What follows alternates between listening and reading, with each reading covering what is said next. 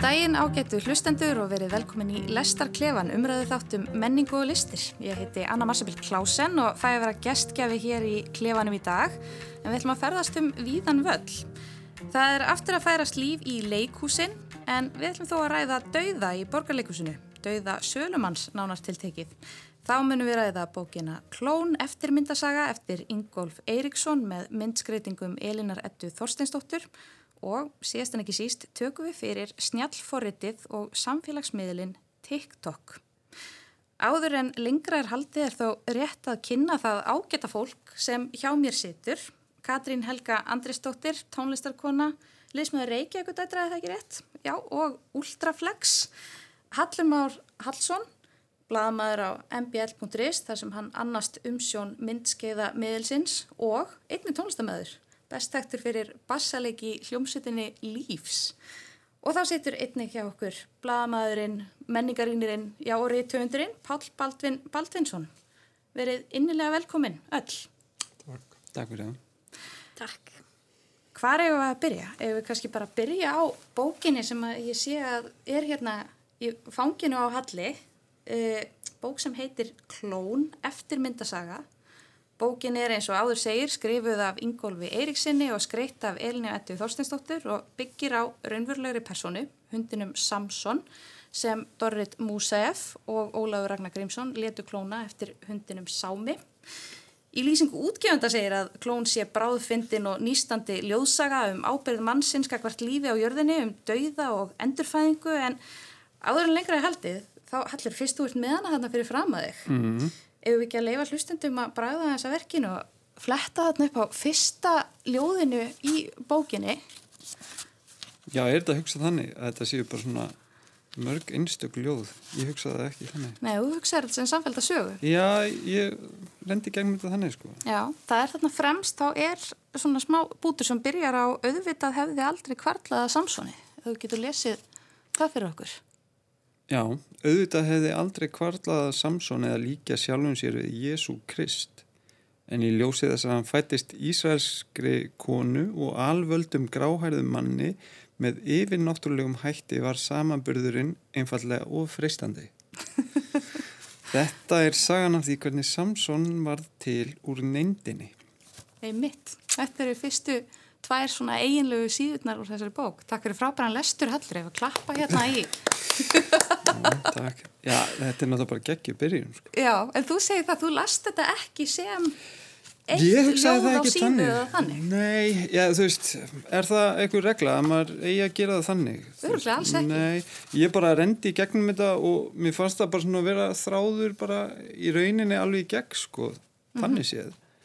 En hérna, og ég bara verði að segja ég bara hló nokkur sem alveg rækila uppátt sko. Mér finnst það alveg ógíslega skemmtilegt og, og hérna og góða pælingar sko. Já, hafður þið fylst vel með uh, hundinum Sámi og svo uh, Samson? Ekki þannig sko ég, þú veist, ekki þannig. En hérna mér finnst það sem að ég er svona uh, staldræði við, þú veist ég hef svona hort mikið á vísinda skáldskap og þannig, þú veist, það sem eru svona þessar pælingar sko mm -hmm. líka og mér finnst ótrúlega gaman að, hérna, að það kæmu að maður væri í einhvern svona vísinda skálskapar pælingum sem að hefur bara þessar sterkur tilvísun í uh, íslenska bara samtíma sko já. það er svolítið svona ferst og, og hérna og já, skemmtilegt sko Já Katrín, ég stakk bókinu á hann í póskassan þinn hérna í vikunni. Mm -hmm. Last þú hana og, og hlóst eins og hallur? Já, ég las hana og ég man ekki hvort ég hló upphátt en hún er bara nokkuð skemmtileg.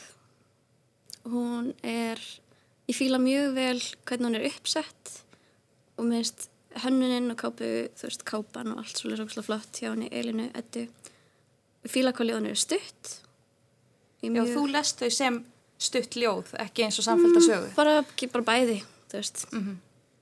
Ég er klálega samhangandi þráður í gegnum allt sem hann, en jú, ég las hann alltaf einum rikk, sko. Mm -hmm. um, já, bara fínt form á henni, sko. Um, Ég fór svolítið að pæla í svona þessu, ég rætta mikið við mína vini hvernig það er að skrifa um fólk sem er til í alvörunni og gera skáldskap um einhvern veginn alveg, þú veist, nafngreint fólk sem að e, er til, ég allir með svinkonu sem að er afkomandi hérna konunar sem að kona með þúsund gráður er byggð á, þannig við höfum oft rætt þetta sko. Og þú veist, hérna er þetta náttúrulega smá öðruvísi að því að Ólafur og Dorrit eru sjálf búin að velja sér sviðsljósið þau eru eitthvað skonar kannski yfirvald eða voru það allavega og þú veist, mjög mikillir svona forréttenda og yfir, þú veist, það að klóna hundin sinn þýðir eða merki um að eiga mjög, mjög mikið pening. Þannig að það kannski eru þau búin að gefa manni skotleifi á sig eða þú veist, kannski máma er svolítið gaggrina og fjalla um þau ofinbarlega en á sama tíma þá spyr ég mig hvort að veist, það hafi endilega þurft það er rosalega mikið mjög mikið gert úr því að þessi akkurat hundurinn þeirra, þú veist, það er bara, hann kallaður Ólafsson Músæf og þú veist, það er mikið talað um bæði Ólaf og Dorrit í bókinni. Og mér finnst svona mér finnst gaman að þessi húmor í bókinni mér finnst mikilvægt að þessi húmor í ljóðum til þess að þau verði ekki eh, einhvern veginn of háfleik og taka sig of alvarlega. En mér fannst húmurinn vera smá á kostna einhvers annars en ég spyr mig hvort það sé kannski allt í lagi að því að þetta er einhver annar sem að þú veist það er hefð fyrir því kannski að berja upp eins og maður segir. En svo er spurningin, er þetta berja upp? Að því að svo líka Dorrit Erlend kona sem að Íslandingum finnst gaman að gera grínað að því að hún notar vittlösa málfræði og eitthvað svo leiðis en svo er hún líka Trump-supporter. Þannig að þú veist þetta er mjög svona Þú fóst í nokkra ringi þarna með Já. svona, svona síðferðina í þessu. já, já. Og svo náttúrulega, þú veist eins og ég hef verið að pæla í svolítið undarfarið þú veist, hvernig hvernig maður fjallar um samfélagið í list. Að því að þú veist, maður vill alveg það er alveg hérna margar ástæð fyrir því að vera pólitískur í list. En svo er list líka svo tengt egóinu. Og þegar þú ert að tala um pólitík þá ertu kannski líka að koma sjálfum þér á framfæri þannig að þetta er einhvern veginn þetta er náttúrulega ekki mynd pólitísk bók, myndi ekki segja það Nei, myndir ekki segja það. Ég hugsa hana, ég upplifa hana sem Já. svolítið svona gaggrinni á kapitalisman Jú, og markasvæðinguna. það er alveg, alveg rétt, algjörlega. Já, algjörlega. Já, Páll, hvernig svona sló bókin þig? Og slum mér náttúrulega bara ljómandi vel. Þetta er, þetta er uh, mjög falleg útgáfa og uh, ágætt hjá mál og menningu að, að uh, taka unga höfunda og sinna þeim með svona klæsilegur útgáfu. Hún er bókverk í sjálfu sér verðan að þess að hún er þannig brotin um að það er ánægulegt að flettinni og sjá hvernig hefur verið gengið frá textanum á síðurnar uh, af mikilli nattni og smekkvísi uh, þetta er kablaskipt náttúrulega í, í uh, tíu kabla þessar hundavísur. Er nú gömul íslensk hefð það er ekki til hunda. En um, samanber heyrðist nokkað snati minn og fleiri slík ljóð. En þetta er náttúrulega ískrandi háð. Á löngum kabla þá er náttúrulega verið að að uh, má segja gera grín að, að tildeknum fyrirmönnum og uh, þessu tiltæki að láta klóna hund og uh, samt sem áður ekki á þann hátt að það sé meiðandi þó að það sé hér lýsing á hinnum gráhærða hvítærða gráhærða höf, föður í að, og orðabelgunum sem út úr honum rennur. En um, þetta er hugvitsamlega uh, samansett ég átti mig, áttaði mig ekki alveg á því svona við fyrsta hraðlestur að, að hvað uh, skáldinu gengi til, hvað honum, hvað honum lægi mest á hjarta.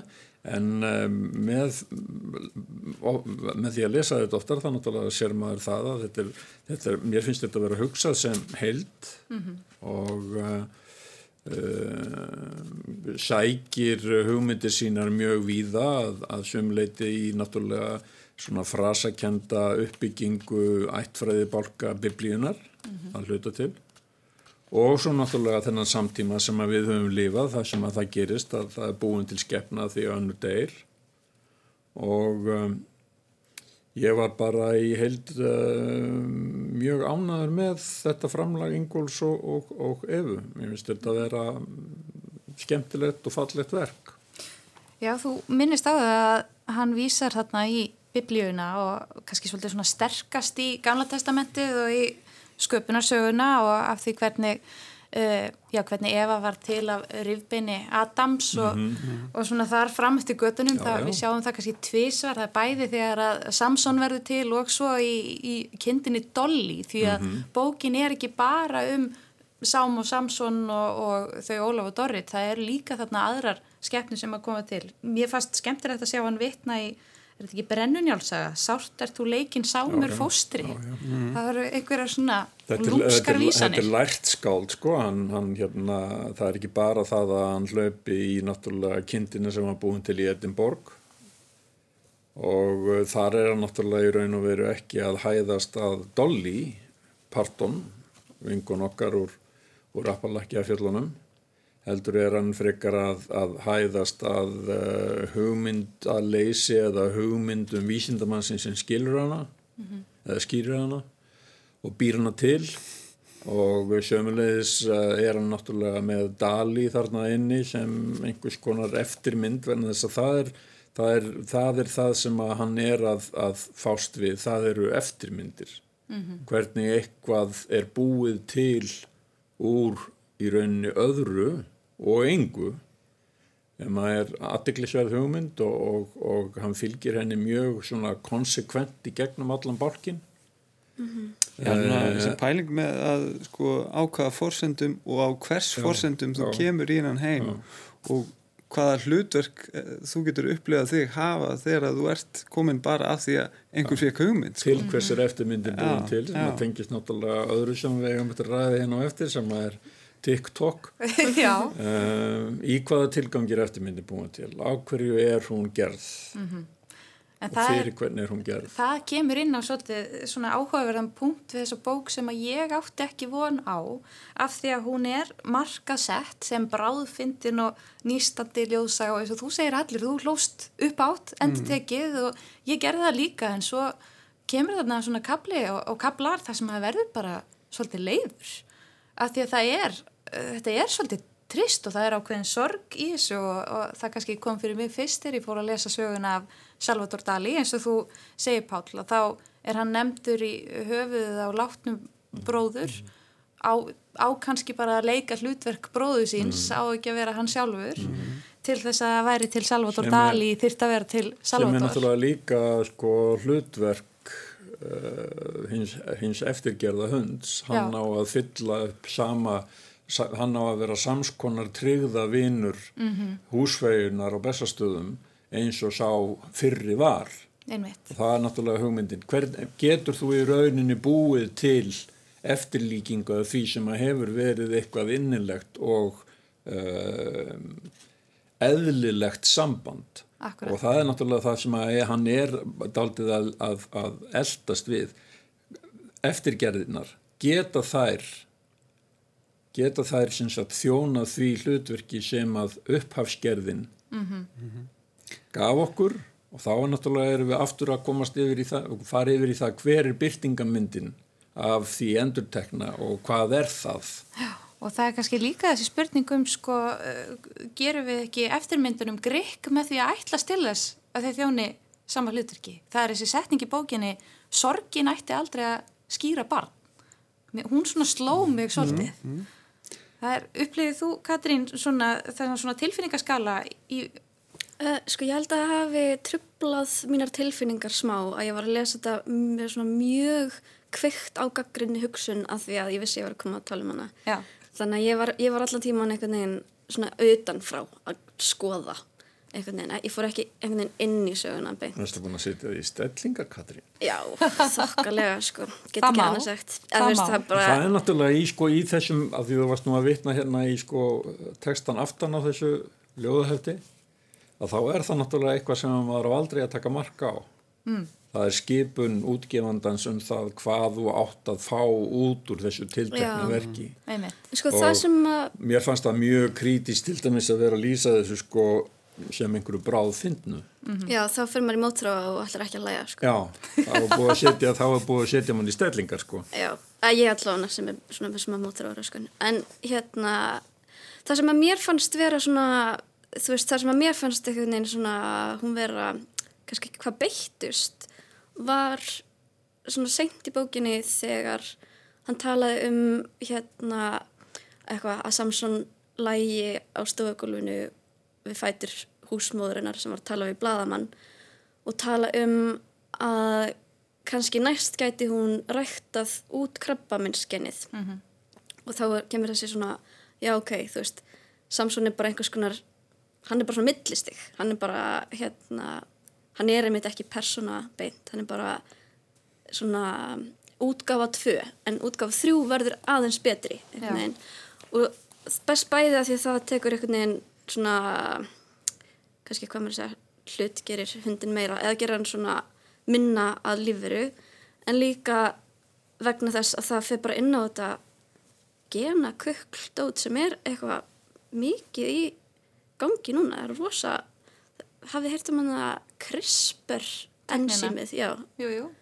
þannig þetta, þetta er bara eitthvað í gangi núna að fólk er eitthvað svona að gera fullkomnar uh, útgáfur af Já, er, þetta þetta spyr áleitina spurninga um hvort að við getum einhvern, einhvern veginn búið til hinn fullkomna hund sem er ekki bara einhvern veginn alveg eins og gamli hundurinn heldur líka verður ekki veikur eins og gamli hundurinn. mm. Sem að síðan smittar út í þessa umræðu og þessar hugmyndir um eins og segir CRISPR-teknina og það hvort við getum ræktað ákveðna óæskilega eiginleika úr mannfólki. Mm. En svo inn á því þá erum við náttúrulega nú þegar að rækta dýr mm -hmm. við erum nú þegar að hreinrækta hunda og eitthvað svona og þetta er, það er svona aldrei skrítið að klóna hund en er ekki líka, það, það tekur náttúrulega líka það er svo mikið eignarhald yfir dýrinu og lífinu þess en við erum nú þegar að næstu því þar, þú veist, við eigum þessi dýr, skiljur við, við erum að rækta þau eins og við viljum hafa þau og selja þau. Útlýtslega sko. Útlýtslega og, og, og heilsufarslega. Mm -hmm. uh, en þú veist, klálega peningar eru nú þegar í spilinu þegar hvað þetta varðar einhvern veginn. Þannig að þetta er svona ég held að við mættum vel að skoða hvað, að, hvað við erum að gera nú þegar mm -hmm. ekki bara hvað er að fara að gerast sem er nöndar að gerast núna Á 200 árum þá er búið að rækta upp stopna í vesturheimi sérstaklega af sérstaklega hundum til þess að ná hreinu ákveðinu útliti, gefa þeim svona krútlegt og það hefur þá í förmið sér til dæmis að höfuðið á þeim stekkar mm -hmm. og búkurinn aftur hluti búksins hann verður veikari og þeir get ekki borðið sig almenlega verna þess að afturfæturnir er orðin svo veikburða. Þannig á sama tíma allur hunda yðnaður með það að rækta upp hunda á Vesturlöndum hann byggist fyrst og fremst á því að búa til útlitt og ákveðna skapgerðar eiginleika en afmyndar dýrinum leið og gerir þau að hálgerðum skrýmslum það er, er náttúrulega mjög óhugnanlegur hlutur. Ég vil nú segja líka eitt svona lókum að hérna ég er náttúrulega hundaegandi og, og, hérna á, á minn hund sem að ég hérna dyrka og þú veist, kannski eru við að hugsa rosa, gefa mhm. okkur rosalega mikið um hvað Dorrit og Ólafur voru að hugsa þegar þau hérna, fóru út í þetta sko, þú veist um, þannig að ég svona, sá þetta líka svolítið með þeim augum bara æ, þú veist, og það væri nú erfitt að kveðja hann og maður Já. er alltaf með það bak við eira sko, þú veist, að maður mun kveðja þessi dýr sko. Ég hef nýbúin að missa köttin minn sko, ég gæfi ímislegt takk fyrir það, ég gæfi ímislegt til þess að geta fengið hann til baka sko, mm. En ég veit það svo sem að þó ég myndi klónan þá væri það ekki hann, en síðan er sko stutt úr þessari umræðu yfir í til dæmis fækkun uh, fólks með dáns og þar fram til göttunum þannig það er greinlegt að, alveg, no, þannig það er greinlegt að þessi bók hún leiður okkur í alveg bara stórmerkilegar áttir. Hún, hún speklar sko ímsa hluti þannig að þetta, þetta er mjög, mjög fínt verk geggjur pælinga eftir 200 ár munir fólk geta að fara út í bókasarn og þú veist, fundi sér þessa bók hérna mm -hmm. og hérna rifið þetta upp svona en þetta er náttúrulega búið að vera í gangi í langan tíma í science fiction. Já, já, já, já. En svona í þessum íslenska samtíma já, svona, já, veist, að, hérna, það, það var þetta algjörlega ný já, þegar Dorrit klónaði sám. En við ætlum að fara út í aðra, aðra sálma samt svona, sko, þú sagðir aðan að TikTok þá eru eftirmyndir Páll en já, ný uppsetning af Sölumæður Deil hlýtur alltaf að vera einhvers konar eftirmynd líka og við ætlum að ræða það aðeins núna. Sölumæður Deil er sínt í borgarleikusinu með eh, viðegandi smittvarnar takmörkunum. Sölumæður Deil er þekktasta leikrit Arthurs Millers, það var frumsýnt 1949 og hlaut Pulitzer-velunin sama ár og það er að mörgum talið eitt af svona meistaraverkum 20. aldar í leikritun. Ég held að það sé ekki ofsögum sagt. Verkið segi söguna af ameríska draumnum svo kallaða eða öllu heldur sögu af fórnarlampi hans, sölumanninum Willi Lóman sem byggir sjálfsmynd sína á órum um fjárhagslega velmögun og vinsældir og hrinur þegar skíaborgin reynist tálsín.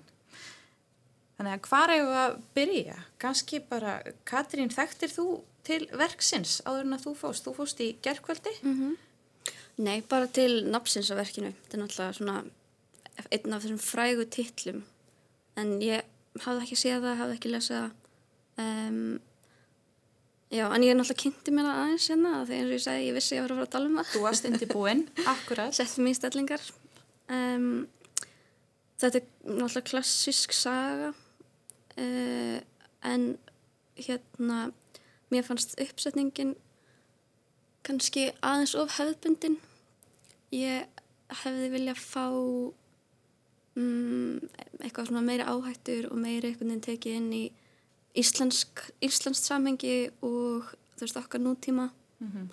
um, Ég get kannski hoppa frá þeim punkti sko Snæbjörn Brynjarsson gaggrendi viðsjár, hann sagði að Sölumæður Deyr væri klassískur 20. aldar harmleikur en fyrir 21. aldar áhörundur eh, hefði lástemdari og knappari útgáfa kannski verið meira gefandi. Það er svona, það er svona cirka á sömu slóðum og, og þú ert að tala, Katrín. Uh, Pál? Já, ég hafði nú ágjörði þegar það var tilkynnt að, að, að leika þetta verk. Uh, það hefur náttúrulega mjög ríka fórsögu, ég er hissaði Katrín að þú skulur aldrei hafa lisið þetta en að, að sko, þetta er búið að vera á, á hérna námskrá í framhaldsskólum í langan tíma þá hafa menn verið látnið lesa sölumannin. Ég get ekki undir það samt líka hérna við hafum sömu kynsloð því að mm. Katrín, ég hafði ekki lesið verkið heldur. Það er ekki lesið? Nei, reynlega og ekki séð það. Nei, nei, það hefur náttúrulega var leikið sko það hefur einu sinni verið flutt inn í útvarpi og það náttúrulega var kom hérna á svið bara sko tveimur vetrum eftir það var leikið í New York. Og var á sínum tíma uh, að þvíleitinu til óvenjulegt að, að, að þó sett með þessa algjörlega naturalísku umgerð að það er í rauninni bara hús á sviðinu það er stofa á sviðinu og síðan efri hefðin það sem strákarnir eru eða sískinnin eins og núna er að um, þá er sem sagt innri tímin í verkinu hann, hann tegir sig í allar áttir og það var það sem var nýmælið í því sem að við þekkjum náttúrulega um algjörlega þaulven orðin aðalega í gegnum mhm. bíómyndirnar mm -hmm. að það er sem sagt klift á milli tímaskeiða í lífið þess manns á, og hans vitund í rauninni heldur utanum um allt, alla, alla kvöldstundina sem þú ert að sjá þessa fjölskyldu í rauninni móluna niður það sem var svona formulega enginni sem var nýnæmið í því á sínum tíma.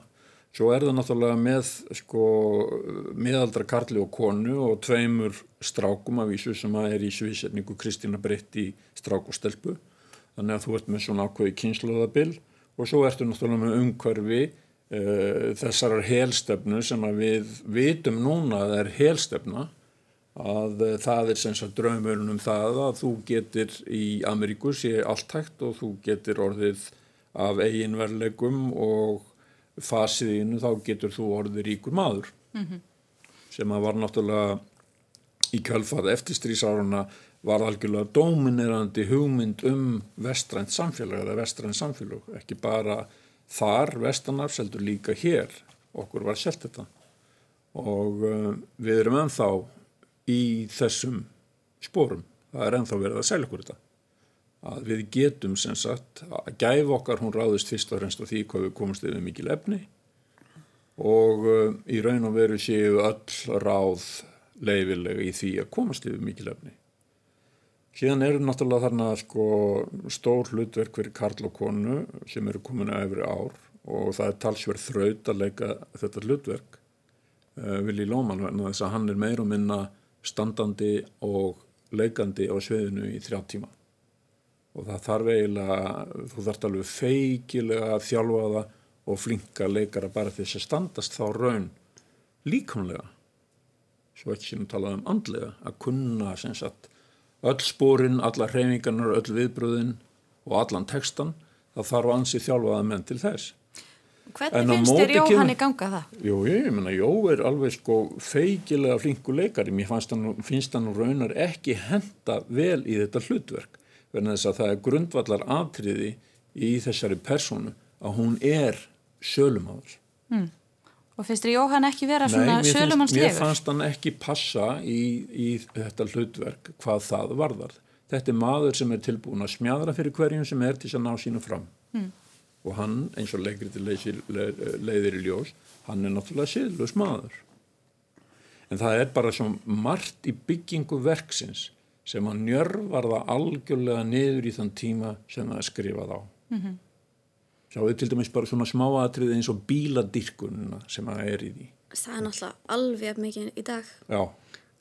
En þarna er það náttúrulega maður sem að þarf að ferðast sko hundruður kilómetrar til að komast til vinnum Já, mér finnst nefnilega það hefði verið svo að sko, skipta þau um tíma Þess vegna spyr maður sjálf að sé sko hvort að, að ímislegt í verkinu sé í raunin ekki hamlandi að þannig að það sé hægt að fara með það eitthvað í þá átt sem að þú óskaðir eða að horta það bara, bara, mér finnst það nefnilega einmitt svo öðvöld mér finnst það að blasa við. Mér finnst það einmitt svona þetta fjallan um ameríska draumin en mér finnst einmitt eins og þú sagðir það, við eigum okkur líka íslenska draumin og þú veist, Íslands samfélag er alveg rosalega upptekið af lífskeiða kapplöfinu og með, það hefði alveg getið gæst í gráfóinum eða kópóinum með jeppa í innkjæslinni og þú veist, klakavill á ískapnum mm -hmm. og svo leiðis og mér finnst það allt taka mig út í sögunni. Það var alltaf að vera að tala um dollara það voru alltaf nöfnin voru á ennsku öll staðarheitin voru á ennsku og einhvern veginn þessi tími. Mér finnst Mér finnst sjálfur skemmtilegast þegar þú veist svona klassísk verk eins og eitthvað Shakespeare verk og svona eru sett í meiri samtíma og svona samingi sem næri okkur eins og dæmis þú veist Clueless sem er hérna hvaða verk er það eftir? Það er Emma eða ekki? Jú það er Emma akkurat og hérna She's the Man sem er draumur á Jónsmessunótt mm -hmm. Mér finnst þetta bæði svona klassískar eh, chick flicks eða hvað maður segja svona Hefur þið viljað sjá tikkflikk útgáðun af Sölum að það deyr? Það væri, það væri áhugavert. Mér hefði fundist það rosalega gaman. Nei, ég skil alveg hvað þú átt við. Af því að það hefði bara átt miklu meira við mig. Það hefði átt miklu meira. Af því að mér finnst ég alveg sjá það í dag. Veginn og það verður eitthvað sem ég myndi. Ég sé líka hvernig er hægt að gera tikkflikk útgáðun af þessu og mér finnst þetta áhugaveru punkturinn. Hallir, þú ert búin að sitja hljóður hjá. Hvernig upplifið þú verkið? Ég bara fór með nokkur svona aukt blad ég sko hafði ekki séð það á sviði og hérna rámaði í það úr sko Charlie Kaufman myndinni hérna Synecdoche. Hmm. eða Synecdoche eða hvernig sem að hvernig sem að ber það já, fram. það er já. bara erfitt sko. En sem er náttúrulega rosalega mynd sko. Og hérna ég horfið á hana aftur í tengslu við þetta. Og fór svo á þetta og hérna svona mín svona fyrsta impressjón var einmitt þetta að svona að þetta er nú svona þú veist, akkur pappa eru þetta ekki aðeins upp og svona færði þetta nær okkur sko? En svo svona þegar maður er búin að setja hana í allan tíma, þetta tegum tíma að þá svona bara síast þetta inn í mann og mér hérna þótti Jóhann einmitt bara, þú veist, hann svona bara, þú veist, hann einhvern veginn var svo að endurspegla þessa kynnslóð, þína kynnslóð Pál eiginlega. Mér fannst það og þannig endurspeglaði þetta skilur raunmjöluleika minna allavega. Mm -hmm. Ég tengdi svo við þennan gaur sem að hann var að leika þannig uppi og hvernig svona, þetta var alltaf hreinja í kringum hann. Já, ég kannski svona þegar ég fór að leita að það, því að ég fer alltaf að leita að þessu. Hvernig get ég fundið leið til að setja þetta verk sem er 70 ára gamalt í eitthvað svona, hvernig get ég fundið nútíman í því að hvernig talar það en þá til mín og mér gekk illa eins og Katrín að finna það. En það var þarna sena þar sem að Jóhann er að, eh, hann að tala við hverða eftir sem að leikur það á mótunum. Það er hann, Hjörtur Þorstein, þegar hann og Þorstein Bakmann mm. er að tala saman og persóna Þorsteins er að bjóðunum bjóðunum vinnu Mm. Og hann getur ekki tekið vinnuna af því að hann bara getur ekki einhvern veginn brotið otta álæðið sinna, hann getur ekki leift karlmennsku sinni að þykja hjálpina. Þó að það sé bara nákvæmlega það sem að þarf. Og þar fann ég þar fann ég nútíman í verkinu. Þar fann ég einhverja svona tengingu þar sem að ég sá nútíma manneskjuna einhvern veginn byrtast sko og svona vandræði sem við erum mikið að tala um í dag. Og maður sér í bara mjög mörgum karlmönnum ofta þessum aldri um sko, þú veist, hvaða þýðir að þykja hjálp. Mm. og eða að byggast fyrirgefningar. Já, eða eitthvað svona viðurkenna einhvern mannmátt eða, að veist, vannmátt, að- algjörlega. algjörlega, mér svo sena alveg, alveg stórkostleg sko. Uh, svona svo að ég dagsgerðmaðurinn fari aðeins að tjá mig hérna. Já, ég menna það er náttúrulega oflæta hans er það að hann getur, hann, hann getur ekki gert það. Það er í rauninni hinsta víi sem hann á að, að þykja. Ég fyrir utan náttúrulega að menn segja, býtunum, akkur, akkur er seldan ekki húsi sem hann bjó í, fyrst að það er búið að byggja allt í kringum það, þannig að sólinn næri ekki niður á þetta litla hús sem hann hefur reyndar, eins og kemur fram í verkinu, stólið meiri hluta af efnun í úr nálægum byggingum þegar hann byggir það. Mm -hmm. Vitu, akkur en selur hann bara ekki lóðina og, og, og bjargar fjára sig hennum þannig. En þar er maður náttúrulega komin út fyrir sko að hann er bjargarlaus þrátt fyrir allt. algjörlega. Við höfum ekki mikinn tíma í viðbútt til að ræða þetta verk en mér langar að spyrja ykkur út í þessa ákvörðun sem þú komst inn á áðan Páll að breyta tveimur karlpersonum í verkinu í hvern personur, það væri ekki margar konur á sviðinu ef ekki væri fyrir það að yngri sinnum Happy er breytt í konu og svo yfirmannum Howard finnst ykkur þessi breyting hefnast, er hún, virkar hún? Gleðu komst inn á þetta því að ég var einmitt búin að hugsa um þetta. Um, mér finnst það auðvitað bara skinsanlegt að jafna út kynjulegtverkin en mér fannst það svolítið svona halvkák. Það var einhvern veginn ekki farið neitt dýbra og henni var ekki gefið neitt reynsluheimur yngru systur. Þú veist, hún var bara, það var bara breytt nafnunu og þú veist, fornöfnunum. Uh, þannig að mér fannst einhvern veginn hún hafa, þú veist, hún var að leika einhvern svona karakter sem að um, hún hafði ekkert svo mikið úr að móða fannst mér einhvern veginn. Uh, þannig að mér fannst það gert svolítið svona, já, heyrðu, tekum ég þetta box en skulum ekkert kafa onni það hvernig það er að vera í, með reynsluheim konu í þessu hlutverki. Og mér finnst svona, og hinn hvern hlutverkin sem að hérna, ég sá mest sem voru móðurinn og, og vendiskonan, veist, það er svo ótrúlega aftur hefðbundið og maður hefur séð það svo oft vendiskonan og, og móðurinn einhvern veginn. Þannig að mér fannst þetta mér fannst þetta vanta upp á feminis, feminisman í verkinu, basically. Hérna, þessi kona, sem sagt, þessi systir sem var bróðir, ég kannski vil spyrja þig Pála því þú þekkir betur verks en ég, hún verður þarna svona, hún verður rosa daðrandi og kynferðsleg við þjónin í einni serinni. Er það þannig í upprunalega verkinu? Er, Nei, er Happi nú- karlmaðurinn að daðra? Sko, bræðurnir eru náttúrulega bara tvær hliðar af kallinum Já, í rauninni. Að þá eru þeir og Happy er í rauninni miklu veiga minna og veikara hlutverk frá, af hálfu Millers heldur en Biff er, en þess að Biff er náttúrulega það sem er hreyfi aflið í þessum, þessu sprengirými.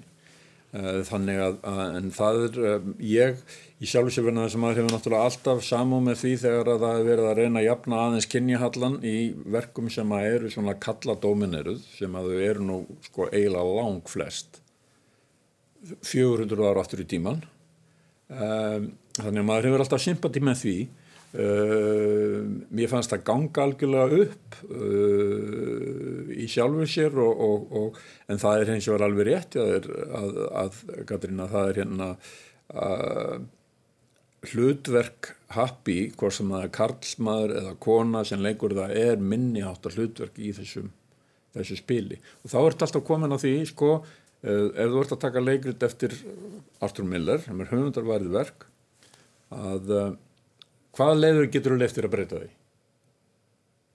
Hvað máttu í rauninni gera mikla tilferslur í því? Mm -hmm. og hún bæti náttúrulega í kringum það svona ákveðnum ramma sem að er þetta þjónslutverk sem að rammar inn í rauninni atbörðarásina uh, í blá byrjun og svo aftur og sem að mér fannst ekki bæta neinu við í sjálfu sér. En aftur kemum bara að þessu. Hvað, hvað er það relevant að taka 70 ára gamalt amiristleikrið þó það hafi verið gott á sínum tíma mm -hmm. og setja það upp? Fyrst og fremst í vegna þess að þú ert með það orðspor sem það hefur skapað sér. Mm -hmm. það er það sem að leikustjórar verða náttúrulega að takast á við á hverjum tíma. Á þetta eitthvað erindi við okkar fólk? Og svo þurfum við náttúrulega að selja með. Þess utan. Þar fyrir utan. Ef við ekki bara haska okkur beint úr þessu öfni yfir í eh, já, alltaf aðra sólma TikTok. TikTok forritið er sá samfélagsmiðl sem er í hvað örustum vexti þessi misserinn sem, uh, já, hvað var þar notendafjölda. Á TikTok deila notendur stuttum myndböndum sem aðrir notendur geta síðan láta sér líka við, gert aðtöðsendir við eða jafnvel notaði eigin myndböndagerð En alls ekki allir notendur TikTok búa þó til myndbönd, minni þannig kannski meira á YouTube en á til dæmis Facebook. Íslenskir framleiðendur að þessum miðli þekkja vel að hann er betri liftistöng en aðrir myndbönd á TikTok eru líkleri til að koma fyrir augu fjöldans en til dæmis myndir á Instagram og við ætlum kannski að að velta þessum miðli fyrir okkur. Uh, ekkert af okkur sem hér sitjum er af henni svo kalluðu seta kynsluð sem fætt er þarna bara um og eftir aldamót. Er ég nokkuð að misregna þinn aldur allt í einu Katrín? Nei, nei, nei, það er hrósa þú skulir halda það. Allt, allt í einu fór ég að hugsa bara býtu nú við. Nei, ég er millennial, eh, hvað heitir það? Árþúsundar, já, árþúsundar kynsluðin eða þúsundar kynsluðin. Mm -hmm. Þetta er svona sett, eh, fólk fætt svona 98 og eftir það og þau ráða ríkjum á TikTok en þið þekktuð öll hérna og, og ég held að ég færi nú alveg rétt með það að við séum hér af þremur mismandi kynsluðum þið þekktuð öll miðlinn þegar að ég hefði við ykkur samband og ég kannski byrja á þér hallur því að mm. þú átt börn sem að eru af þessari kynsluð hafðir þú hættir inn á TikTok áður en ég baði um að, að líta þar inn? Já, bara í gegnum börnin sko Já Þau, þau eru? Ég er með þau eru 10 og 11 ára já. þannig að þau svona þú veist, þetta er ég á skritnu sambandi við hennan miðil sko Þau eru þarna í daglugu sambandi eða hvað? Já, já dóttir mín hérna er, hefur mjög gaman að þessu mm -hmm. og hún hérna hefur komið til mín og þú veist, sínt mér eitthvað sjá, sjá þetta mm -hmm. og, og ég skil ekki neitt sko Nei. þetta er svo rugglingslegt sko og það er svo ekkert samhengi að ég bara uh, svona frís og líður eins og ég sé mjög gammal sko. Ég er samt sko ex-kynsluð uh, svo þess að ég haldi til haga. Uh, og hérna svo, þú veist, svo bara þetta sem maður hefur lesið í fréttum. Skilur, þetta er náttúrulega þetta er náttúrulega bæðið þessi miðl og svo er þetta orðin einhver svona geopolítísk tókstreita sem hann er farin að hérna, mynda millir Kína og Bandaríkjana einmitt. En fannst þér þú skilja miðlinn betur eftir að þú kannski svona settist sjálfur aðeins miðaðunum? Um, nei, eða, veist, þetta er bara, eða, veist, þetta eru bara þessar 15 sekundur, það er ekkit samhengi, þetta er bara endalaus á af hérna, myndböndum sko, þau geta verið út um all. Það er áhugavert að því að... Þetta er svona bloopers eins og það var kallað í gamla daga. Sumt, já, já en, en þetta er bara svo þetta er svo breytt spektrum Já, já, maður mað sá þetta fyrst sko þegar að, að hérna uh, ameríski framleiðendur fóru átt að segja á því að þeir gáttu auglýst eftir heimamindböndum mm -hmm. Og fengu vaffáis upptökkur sem voru teknar af einhverjum, einhverjum krakka sem var að gera eitthvað sniðut eða detta eða hundi eða eitthvað svoleiðis. Og það var, markað, það var markaður fyrir það. Og þetta var dominerandi hérna á sjónarsásum minnstakosti tveimur í svona kannski tíu ár. En svo hvarf þetta náttúrulega allt saman bara inn á YouTube. Og er þar. Og þegar maður rennir í gegnum svona dótið sem að ég náttúrulega, ég dætti ekki í hug ég hefur aldrei dóttið í huga lítinu á þetta ég er náttúrulega svo gammaldags en þegar maður rennir í gegnum þetta að þetta er nú fyrst og fremst þess að drepa tíman og bókstaflega í þeirri merkingu. Það er til þess að drepa tíma bara myrða tíma Já. hreinlega uh, og er addiktivt greinilega. um, þá furðaði mig mest hvaða var mikið sem sagt af svona blúbersefni, einhver er að gera eitthvað sniðut á eldurskólfinu eða mynd af hundi að gera eitthvað eða einhver að taka spór eða einhver að sulla í einhverju mat sem sagt að þetta var ekki svona mikið framleitt heldur var svona gluggi í einhvers konar heimalíf Fremur. Algjörlega. En Já. þú ert líka með Algjörlega. stjörnur þannig inn á eins og Charlie D'Amelio einhver svona, þú Já, veist, mér sem var að, nefnt hennan já, akkurat, sem að, sem að bara býr svolítið til sinn karakter þarna inni, sko akkurat og Hvað sína ætlar hún að selja? hún, þá bara, hún er hún fræg þarna og þegar þú er hún frægur, þá getur þú farið að selja bóli og bolla og, og Þvottaefni? Já, eflust hvað sem er. Katrín, þú eiginlega varst svona, já það heitir að fara væral á eh, slæmri íslensku. Svona það var eitthvað myndband frá hljómsutinni þinni Ultraflex eða ekki sem fór á flug inn á TikTok. Jú, mér er svo fleiri en eitt sko.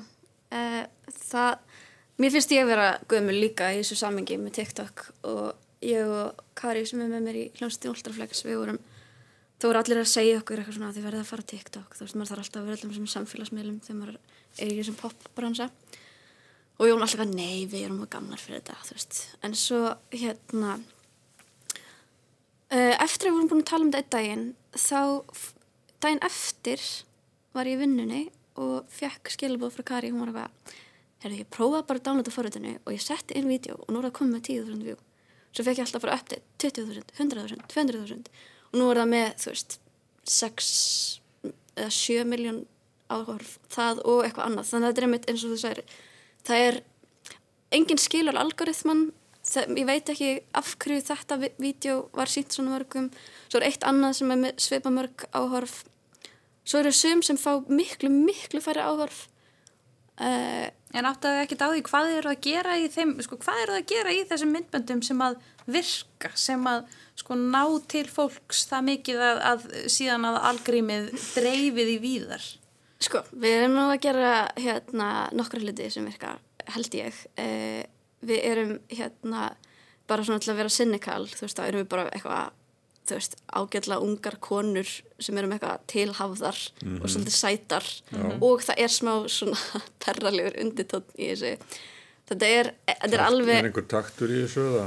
Nei, ekki mikið sko, það er ekki, þetta er eiginlega ekki, þetta er eiginlega mjög random. Þetta, hérna, Er engin katsmelodía í bandinu? Nei, eða? við erum ekki að setja, þú veist, þetta var bara eitthvað, við tókum eitthvað vídeo okkur tíma þegar við vorum að fara í myndatöku og vorum í svona svolítið fyndnum hlébarða múndiringum þar sem að, hérna, hún var að, við vorum að skera brauð saman og Kari, sem er miklu hávakstur en ég, heldur svona utanum mig og við vorum að skera brauð saman.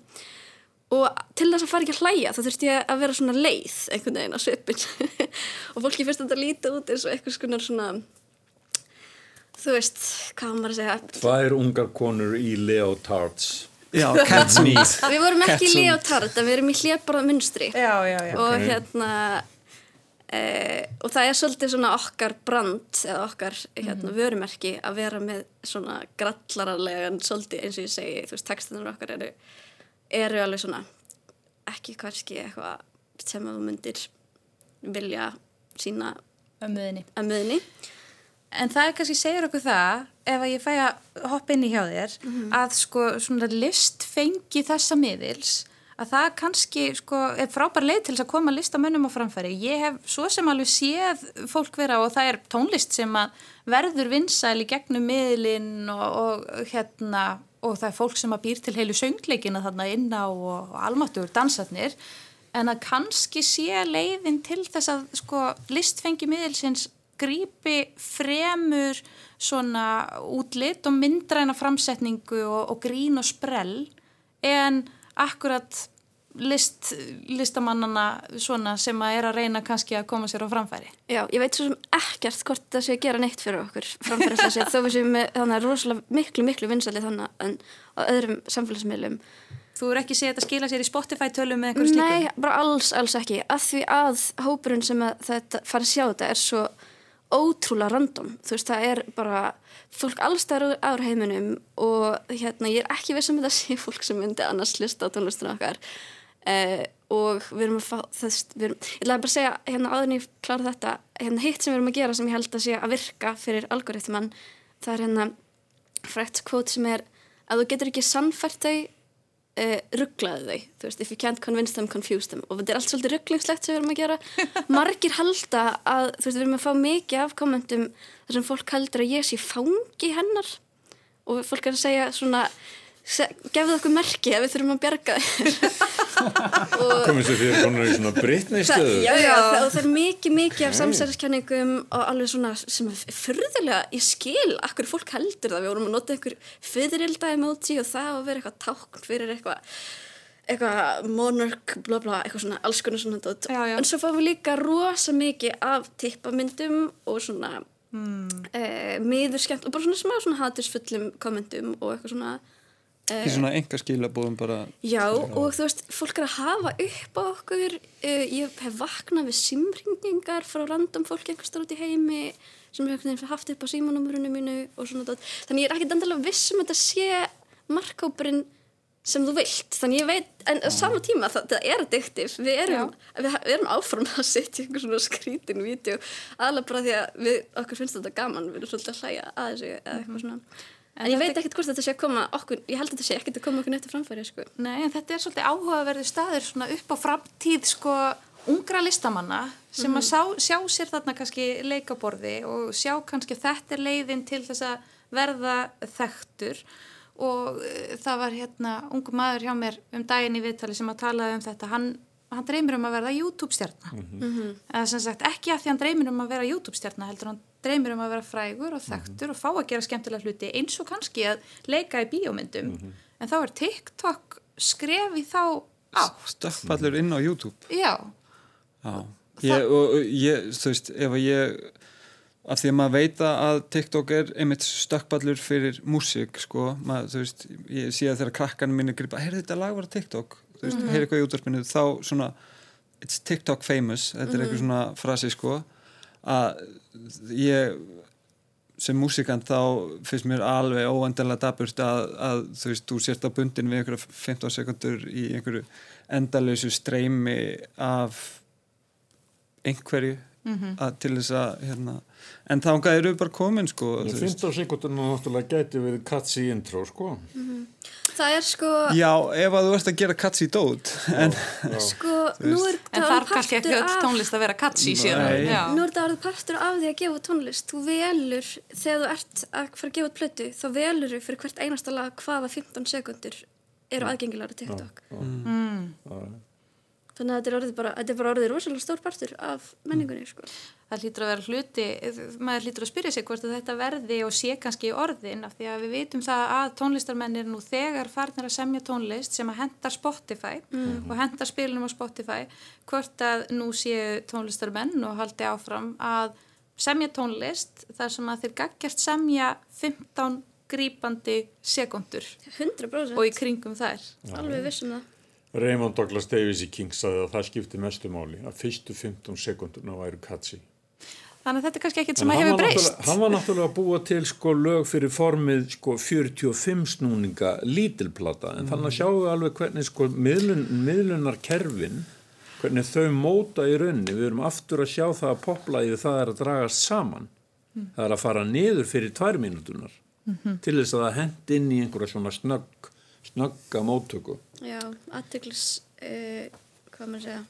aðtiklisbresturinn er uh, ekki á undanhaldi hann er vaksandi Ég held að þetta sé svona sirka réttur staður til þess að ljúka þessu þætti. Ég vildi samt að við getum spjallað um TikTok aðeins lengur. Já, það er mikið að segja. Það er alveg nóg að ræða og sérstaklega gaman af því að ég er búin að vera að fjallum þetta í lestinni aðeins og ræða þá við fólk aldrei um 14 til 23 ára og það er virkilega áhugavert að heyra svona hvað eldri kynsluður hafa um þetta að segja. Ég það kannski að fara að fara með TikTokin á elli heimilið næst og, og reyna að sjá hvað þeim finnst. Nei, nei, tala við fólk undir lögaldri, það er það, er það sem þú átt að tala við. Þar á ég að tala. Bönnin á sals. Já, börnin þín, Hallur, ég mæti, mæti til þeirra næst. Samt ekki fóreldrarna. það er mikilvægast. En við ætlum að þakka lustatum kærlega fyrir samfélgina í gegnum þessar umræður okkar um TikTok, sö Sölumæður Deyr og Klón eftirmyndasaga. Ég þakka gestum hér í Studio 12 kærlega fyrir komuna, Katrín Helga Andrisdóttir, Pál Baldvin Baldvinsson og Hallur Mál Hallsson. Takk fyrir spjallið. Takk fyrir bóðið. Sjálf heiti ég Anna Marsebill Klásen, þið heyriði mér hlustendur góðir í lestinni á rás 1 milli 5 og 6 mánudaga til 5 daga en lesta klefin verður aftur á sínum stað í dagskráni næsta föstu dag en þá ef mér skjáttlast ekki í sér útgáfu frá Akureyri. Við óskum hlustendum góðrar helgar, veriði sæl.